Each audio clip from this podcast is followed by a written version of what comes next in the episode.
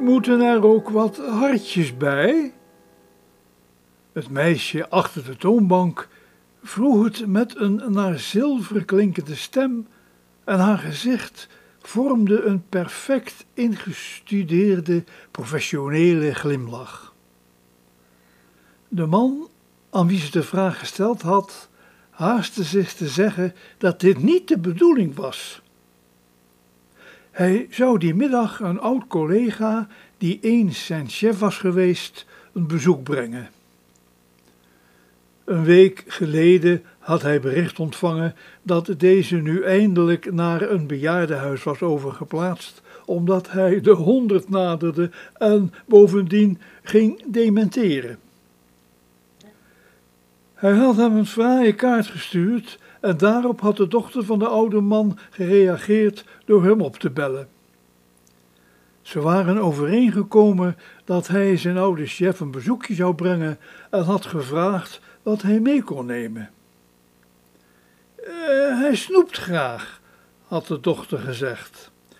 Bovendien had ze eraan toegevoegd dat vader nogal doof was en dat je tegenover hem moest gaan zitten en vooral luid en duidelijk spreken. Vandaar dat hij nu in de bakkerswinkel zijn ogen uitkeek naar een bonte verscheidenheid van zeer feestelijk en smakelijk uitziende bonbons die in vitrines lagen af te wachten en er wel haast om smeekten om uitgekozen te worden. Het meisje achter de vitrines had een fraai goudkleurig doosje en een blauw lint gepakt en nam met een glimmende tang één voor één de kostelijke, maar ook kostbare bonbons van de schaaltjes. Maar nee, nee, nee, nee, nee, bonbons in de vorm van een hartje ging de man toch even te ver. Bovendien had hij nooit zo'n goede verstandhouding met zijn chef gehad. Even later had het meisje het doosje van een dekseltje voorzien en er keurig en deskundig het blauwe lint rondgestrikt en was de man op weg. Hij was zelf al op leeftijd en het lopen kostte hem dan ook de grootste moeite. Bovendien wist hij wel de naam van het nieuwe onderkomen van zijn chef, maar niet precies waar het stond. Na een paar keer verkeerd te zijn gelopen, vloekte hij een vloek die in geen enkel woordenboek stond en hij zuchtte eens. Maar eindelijk lukte het hem toch om bij het goede huis aan te komen. Op de hoek stond een viertaal dames te praten dat hem enigszins lachend aanstaarde toen hij kwam aanstrompelen. Ze moesten vast gedacht hebben dat hij beschonken was en hij voelde zich dan ook niet op zijn gemak. Uh, goedemiddag, dames, riep hij zo opgewekt mogelijk. Uh, ben ik hier bij het uh, raspaardje? Ik moet bij de heer Stekentee zijn. die schijnt op kamer 200 te wonen. Op 201, riep een van de dames, maar ik weet wie u bedoelt hoor. Gaat u maar mee, dan wijs ik de weg. Hij had de dame wel kunnen zoenen, maar deed hij toch maar niet, want zoiets kun je vandaag de dag niet meer riskeren zonder voor oude viezerik en aanrander uitgemaakt te worden. Ze gingen nu het huis binnen en via een smalle gang hield de dame halt bij een deur en klopte aan. Er volgde geen enkele reactie en daarom deed ze resoluut de deur open en liet de bezoeker binnengaan, waarop ze zelf geruisloos verdween. De man stond nu in een nogal nauw kamertje dat geheel gevuld was met allerlei zaken waarvan hij het nut niet kon inzien, maar blijkbaar onmisbaar voor de bewoner waren. Het was een ongezellig en saai aandoende ruimte waar het slecht toevoer was, vooral als je aan claustrofobie zou lijden of zelfs, zoals hij nu, alleen maar even op bezoek kwam.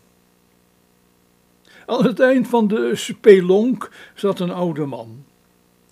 Hij was daar op twee stoelen neergezet. Eén waarop hij gezeten was en een stoel zonder leuning waar zijn benen op lagen uitgestrekt.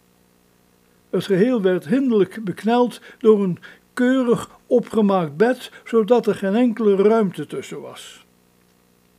De man hield een tijdschrift, of in ieder geval iets leesbaars, tussen zijn benen geklemd en keek strak voor zich uit, zonder blijkbaar te zien dat er een bezoeker was binnengekomen. Aarzelend stak zijn vroegere ondergeschikte hem een hand toe en vroeg luidsprekend hoe het met de oude man ging.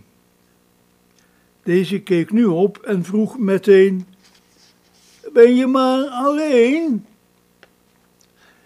De bezoeker, die zich de opmerking van de dochter nog herinnerde omtrent het sterk afgenomen gehoor van haar vader, antwoordde nu dat zijn vriendin niet kon komen omdat ze zich niet lekker voelde en een griep had. Hij had met zo'n kracht en daarbij de man goed in het gelaat kijkend gesproken, dat de ruiten haast rinkelden, maar toch was het antwoord: Ik versta er geen onder van. Ze is ziek, ze heeft griep, brulde de bezoeker en zag door het raam hoe een passerend echtpaar geschrokken naar binnen keek en meteen de pas versnelde. Hij schoof nu een stoel dichterbij en ging zo zitten dat hij de man goed in het gelaat kon kijken. Maar de oude man zei opnieuw, en nu zelfs wat korzelig, dat hij er geen woord van verstaan had.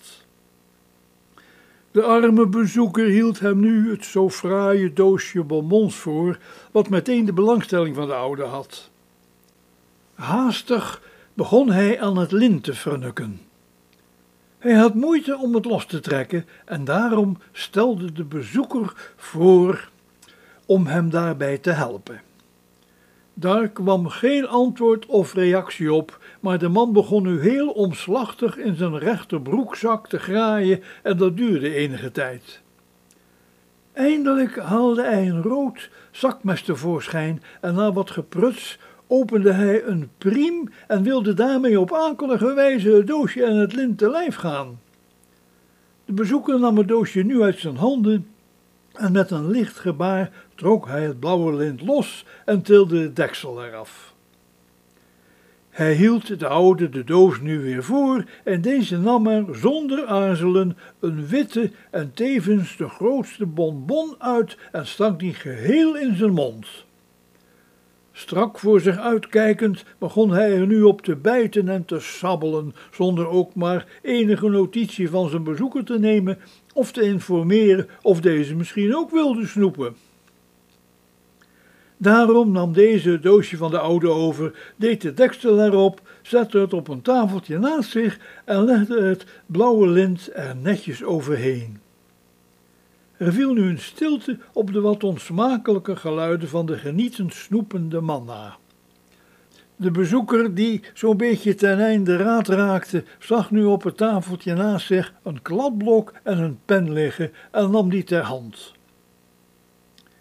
Hoe oud ben je nou en heb je het hier naar je zin en is het eten goed? schreef hij, in de hoop dat dit tot enig positief resultaat zou leiden. Hij hield de bloknoot aan de man voor en nadat deze het een hele tijd bestudeerd had, gaf die ten antwoord: Dat gaat wel. Ja, helaas bleef het daarbij. Nog twee keer stelde de bezoeker enkele vragen waarop totaal geen antwoord kwam. Hij hield het wel voor gezien, stond op schoof zijn stoel weer op zijn plaats en gaf de oude een hand. Tot ziens, zei hij, toch enigszins teleurgesteld. En toen gebeurde er iets wat hij helemaal niet had verwacht, maar waarin hij zijn oude chef in één klap weer herkende als het irritante Pietje precies wat hij in zijn werkende leven altijd was geweest.